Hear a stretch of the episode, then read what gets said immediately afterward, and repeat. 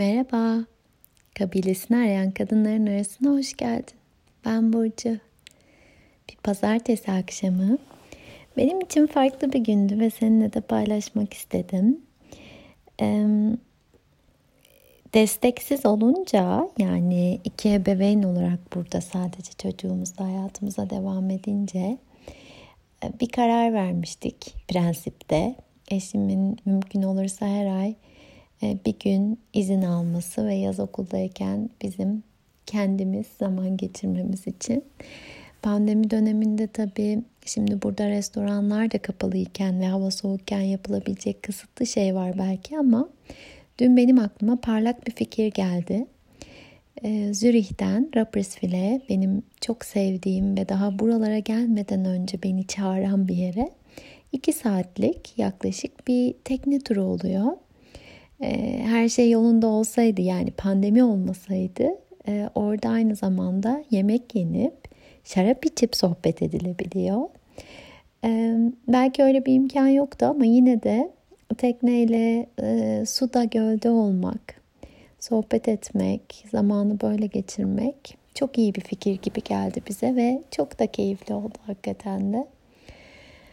Ee, ve içeride bir şeyler yiyip içmek yasak olduğu için kendimize küçük şaraplar alıp marketten dışarıda e, güvertede içtik ve şanslıyız ki düne göre hava çok daha iyiydi, yumuşacıktı. Üşüsek de iyi idare ettik.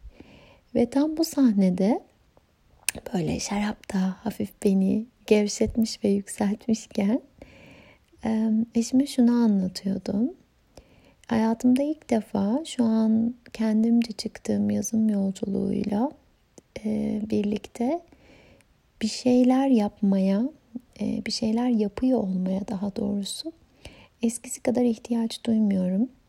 Bunun sadece şu an e, içinde bulunduğum ve bir yere doğru belki de hiç gitmeyeceğim, sadece yolda olduğum bu süreçten de değil. Bu kısmı çok kıymetli ve benim için çok anlam ifade ediyor ama aynı zamanda içinden geçtiğimiz dönemin de etkileriyle benim içimde başkalaşan şeylerle de ilgili olduğunu düşünüyorum. Ne demek istiyorum? Belki daha önceki kayıtlarda da bir parça bahsetmiştim. Ee, belki 30 yaşımda kurumsal hayattan çıktım ben ama o düzenin içinden bir şekilde çıktım. Ama kendimi tanımlamak için referans noktam e, çok büyük ölçüde hala bizim yetiştiğimiz dönemde yaratılan kalıplar nelerse onlardı.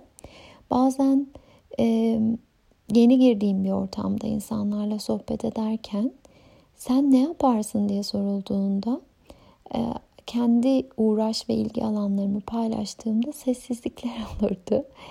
Ve başta bu benim için rahatsızlık verici ve acı vericiydi aslında. E, hatta bir şekilde onlara da bir rahatsızlık verdiğimi hissederdim eskiden. Şimdi ise ne kendimi herhangi bir uğraşımla ya da e, kimliğimle tanımlayıp onlarla bunu paylaşma, onu gösterme derdindeyim. Çünkü çok ilgi çekici de olabiliyor, bu farklı da gelebiliyor. E, ne de o sessizlikleri artık üzerime alıyorum e, basitçe böyle bir şey olduğunda e, bunun karşımdaki insanın realitesinde bir yeri olmadığını anlıyorum. Bu iyi ya da kötü değil sadece farklı referans noktalarımız var. E, bunları konuşurken bugün bir kez daha ara ara dilime dökülen yerini bulma ve o yerini bulmanın getirdiği e, neşeden kendi merkezinden enerjilenme halinden söz ediyordum eşime. Ve bunun böyle çok kutuplu bir şey olmadığını, işte kurumsal hayattan çıktığım ilk dönemde kurumsal hayatın benim için tük kaka bir dünya olduğunu ama şimdi nasıl ki bir kabilede zanaatkarlar varsa örneğin onlar kendi tecrübelerini ve yeteneklerini o yönde emek vererek sergiliyorlarsa bir kısımda yaratıcı başka şeylerle ilgileniyorsa her için her işin içinde bir parça elbette yaratıcılık var ama şimdi de iş dünyasının içinde olanların o anlamda kendi yerini bulup parçasını bulup onu gerçekleştirebileceğini orayla da ilişkilenmenin kişi sayısı kadar farklı yolu olabildiğini görüyorum. E, artık tükaka gibi görmüyorum. Bu tamamen e, her birimizin kendi yolculuğunda oralarla nasıl ilişkilendiği ile ilgili aslında şu an gördüğüm bu. E, ama bir yandan da orası tükaka değil evet ama bana uygun olan da değil. E, kendi yolumu da en az diğeri kadar anlamlı buluyorum. Daha önce temel referans noktası orası olduğu için kendi yolumun ifade ettiği anlamı e, dile getirmekte ya da bedenlemekte, bunu anlamlı bulduğum hissini bedenlemekte zordu açıkçası benim için.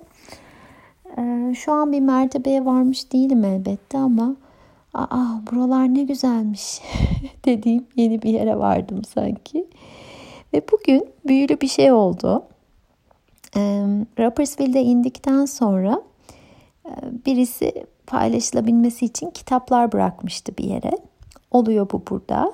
Her yerde böyle kitap rafları oluyor. Orada bir kitap elime geldi. Çoğu Almancayken işte New York Times çok satanlarda ismi varmış. Resilience ile ilgili bir kitap. İsmi de Resilience hatta. Ee, bir sayfa açtım. Bir şey çıktı karşıma Vocation diye. Bir daha sayfa açtım aradan zaman geçtikten sonra kitabı zaten aldım o dakikadan sonra beni çektiği için. Yine aynı sayfa açıldı. Vocation'ın ne olduğuna şimdi daha detaylı bir şekilde bakma şansım oldu. Kendime kalıp e, kendime çekildikten sonra. Ve bir nokta beni çok etkiledi. Tam da bugün e, ifade ettiklerimle çok eşleştiğini hissettim. Şöyle diyor yazar, e, Peter Gomez'in, yazarın kendisi değil, yazarın atıfta bulunduğu kişinin e, bir tanımı çok içine sinmiş yazarın. Benim de çok içime sindi bu arada. Tanım şöyle. Çağrı, vocation'ı çağrı olarak çeviriyor. Çağrıyı duymak senin çok büyük keyif aldığın şeyle dünyanın çok büyük ihtiyacı olan şeyin eşleştiğini hissetmekle ilgilidir diyor. Yani yapmam gereken ne sorusunun yetiştirilişimiz gereği genel olarak cevabı dış merkezli geliyorken bu kez yapmam gereken ne sorusunun yanıtını yanıtına giden yolu gösteren şeyin hissettiğimiz o büyük keyif olması ve bunun aynı zamanda dünyanın ihtiyaç duyduğu şey olması, o eşleşmeyi hissedebilmekle ilgili diyor ve daha somut bir şekilde kendi annesinden örnek veriyor.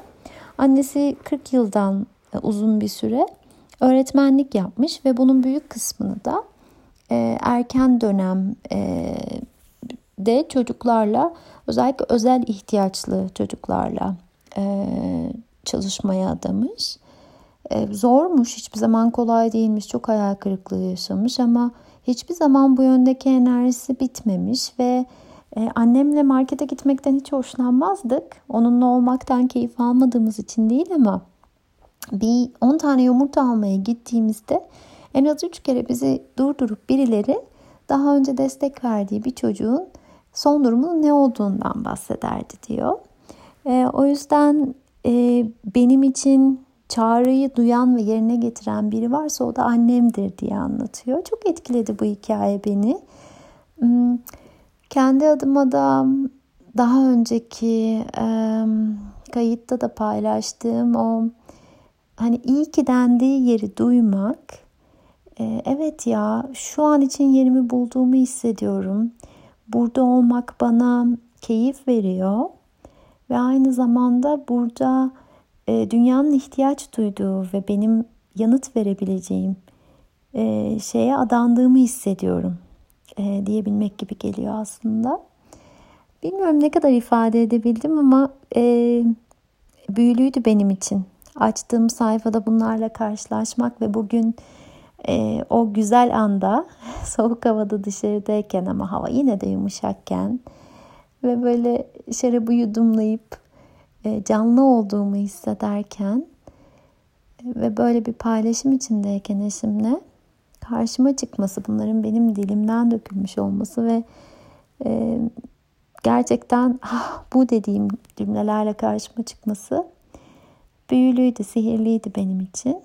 Ee, seninle de paylaşmak istedim. Belki hem kendi hayatında hem de çevrende bütün kimlikleri, kavramları, tanımları bir yana bırakırsan dünyaya bu anlamda bir şeyler sunan, bir şeyleri veren ve bu her ne kadar zaman zaman zor olsa da bu verme halinden keyif alan, e, burada keyfi ve neşeyi bulan insanlar vardır. Örnekler vardır. Bunu görmeye davet etmek istedim. Hem kendimi hem seni. Dediğim gibi ben ara ara kayıtlarda bahsediyorum. Tanımlarımızın çok değiştiği bir yerde olduğumuzu hissediyorum. Yıllar boyu hiç sorgulamadan referans noktası olarak aldığımız tanımlar, çerçeveler tümüyle değişiyor bence artık. Ve bunu görmek çok güzel, çok özgürleştirici geliyor bana. Çağrı benim sık sık kullandığım bir kelimedir ama burada da böyle hmm, derin bir anlama büründü benim için bu kitapla. Çağrını duyduğum çok büyük bir şey olarak kulak kabartıp beklemek değil de an beyan aldığın keyifle dünyanın ihtiyacının eşleştiği noktaları hissedebildiğin adımlar atabilmen dileğiyle. Her zamanki gibi yine sarılıyorum sesimle.